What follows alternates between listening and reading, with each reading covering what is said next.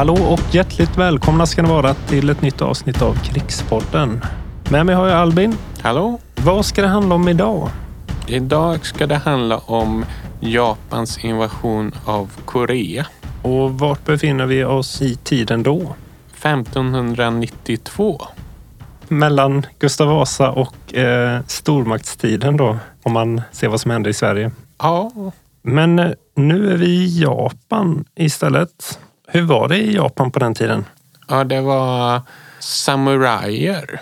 Vi pratade tidigare om samurajer eh, här utanför podden. Eh, Man är van vid att de porträtteras på ett visst vis, eh, men de hade väl även gevär, va? eller musköter.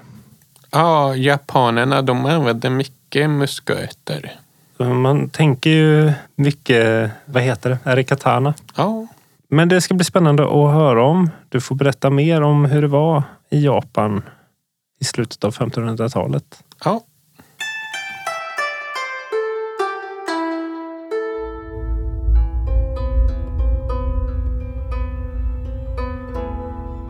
Året var 1592 och efter många år av krig hade en klan i Japan segrat och utnämnt deras ledare till shogun. Shogun hade på den här tiden högre inflytande än kejsaren och bestämde över armén. Titeln kan översättas till krigsherre eller befälhavare. Japans nya shogun hette Toyotomi Hideyoshi och han hade lovat sina daimyo krigsbyten. Men Japan var erövrat och lojala till den nya shogun. Och eh, shogun tänkte invadera Japans grannland Korea. Just det. Så att Mm. daimyo var adel och lords, eller vad man ska säga. Ja, Och de hade försörjt shogun, ja, eller ändå mm, hjälpt dem ekonomiskt. mm, Och nu ville de ha tillbaks eh, krigsbyten då i, ja. i, som en gentjänst. Mm. Och det, hela, det är som Game of Thrones. De låd att de eh, svär en ed. att shogun gjorde det. Ja, Ja, just det. Så nästan Mhm. lite legosoldat på ett sätt. ja, Och nu så var Japan ändå ganska enat och lojala shogun. Så då kunde man inte ge sig på någon i Japan. nej, Just det. Så därför så var stackars Korea som bodde grannar med Japan blir då utsatta. ja. Planen var att när Korea var besegrat skulle japanerna gå in i Kina för att plundra och ta krigsbyten. Invasionen började med att japanerna landsteg vid Koreas stad Busan som de erövrade lätt. Koreanerna sänkte sina egna skepp och flydde norrut. Konishi Yakinaga var den första daimyo att komma i land.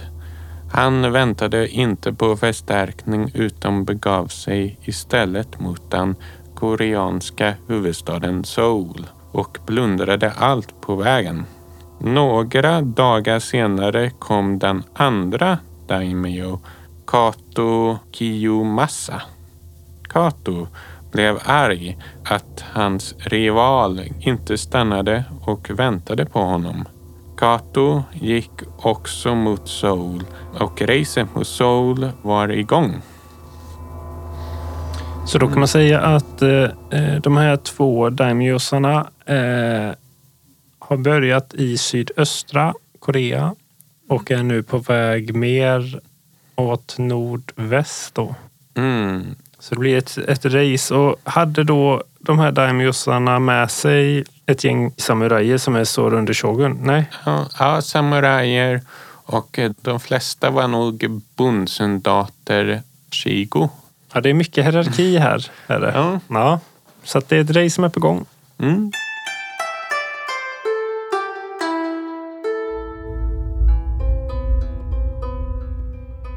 Japanerna kom till Changgu. Där mötte japanerna koreansk motstånd. Konishi Yakunaga kom till Chunggu först och tog befälet. Kato Kiyomasa höll tillbaka sina styrkor och hoppades att Konishi skulle förlora. Slaget började med att japanerna sköt koreanerna med sina musköter som visade sig vara mycket effektiva mot koreanerna som flydde. Koreanska generalen Sin Rip och hans kalorister gick till anfall men blev skjutna. De styrkor som flydde jagades och dödades av japanerna. När sin Rip visste att slaget var förlorat tog han sitt liv och hoppade ner i floden. Sedan eh, fortsätter racet mot Seoul. Kato tog en genväg över floden. Men Kato blev överraskad att Konichis baner var över staden. Kato blev slagen igen av Konichi. Han insåg att han låg efter Konichi och efter detta fortsatte japanerna norrut mot Pyongyang och kinesiska gränsen. Så det var främst de här två rivalerna då som kämpade om eh, Koreas mark. Ja, Det känns som en... eh, Det låter som en ganska spretig armé ändå av alltså allt ifrån musköter till nästan... Är det bondesoldater också? ja de flesta var bondesoldater. måste varit väldigt mycket. Hur många människor kan det ha handlat om ungefär som begav sig till Korea? Jag tror att det var 158 000 soldater. Det är mycket, många soldater. Ja, fast de kom inte över alla på en gång. Den första vågen tror jag att det var 10 000 soldater med Konichi och den andra med Kato var nog 22 000 tror jag. Ja, spännande. Men, och det blir det här som eh, blir slutet och lite av en cliffhanger nu då på del ett. Ja. Med Japans invasion av Korea. Då får vi se vad som händer i nästa avsnitt. Ja, i nästa avsnitt handlar det om lite ovanliga skepp, sköldpaddsskepp. Just det, som man känner igen från Age of Empires. Ja, Gött, men då tackar vi så mycket för idag. Vi hoppas att lyssnarna har en fortsatt trevlig dag. ja. Tack Alvin. Hej då! Hej hej!